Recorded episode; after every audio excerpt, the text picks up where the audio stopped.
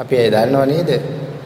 බිම්බිසාර මහරජුරු අපවත් වෙන වෙලාවේ යටිපතුල් පළලා ලුණු දාලා අඟුරු දැවිද්දවලා මහ වේදනාව විඳලා අපවත් වෙන්නේ. භාග්‍යතුන් වහන්සේගෙන් ඇහුවා ස්වාමීනි මේ ආර්ය ශ්‍රාවකයා මෙච්චර දුක් විඳලා මැරුණේයි කියලා. අපවත් වුණේ ඇයි කියලා. දේශනා කරනවා සංසාරේ කර්මයක් විපාක දුන්නා කියලා. මොකද කරලා තියෙන සසර පව? පාවහන් දෙකක් පයලා චෛත්‍ය මළුව පාගලා තියෙනවා පෙර භවයක. එතකොට තේරෙනවද චෛත්‍ය කියලා කියන තැන මොන තරම් පරම පූජනීයද කියලා. මේ වැඩේ ඉන්නේ මේ විහාරස්ථානයේ බුදුරජාණන් වහන්සේ වැඩ ඉන්නේ.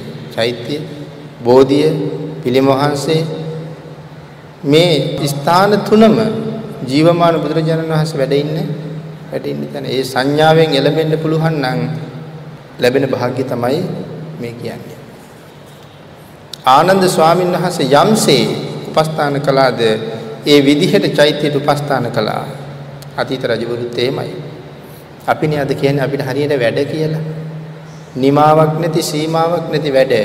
ඒ හින්දා අපිට කිසි වෙලාවක් අපිට නෑ අපිට කණ්ඩ වෙලාවකුත් නෑ. අපිට විවේක ගන්න වෙලාවකුත් නෑ. අපිට බණ අහන්න, අපිට බුදුන් වඳින්න, අපිට භාවනාවක් කරන්න මේකටත් අපිට විවේකයක් නෑ.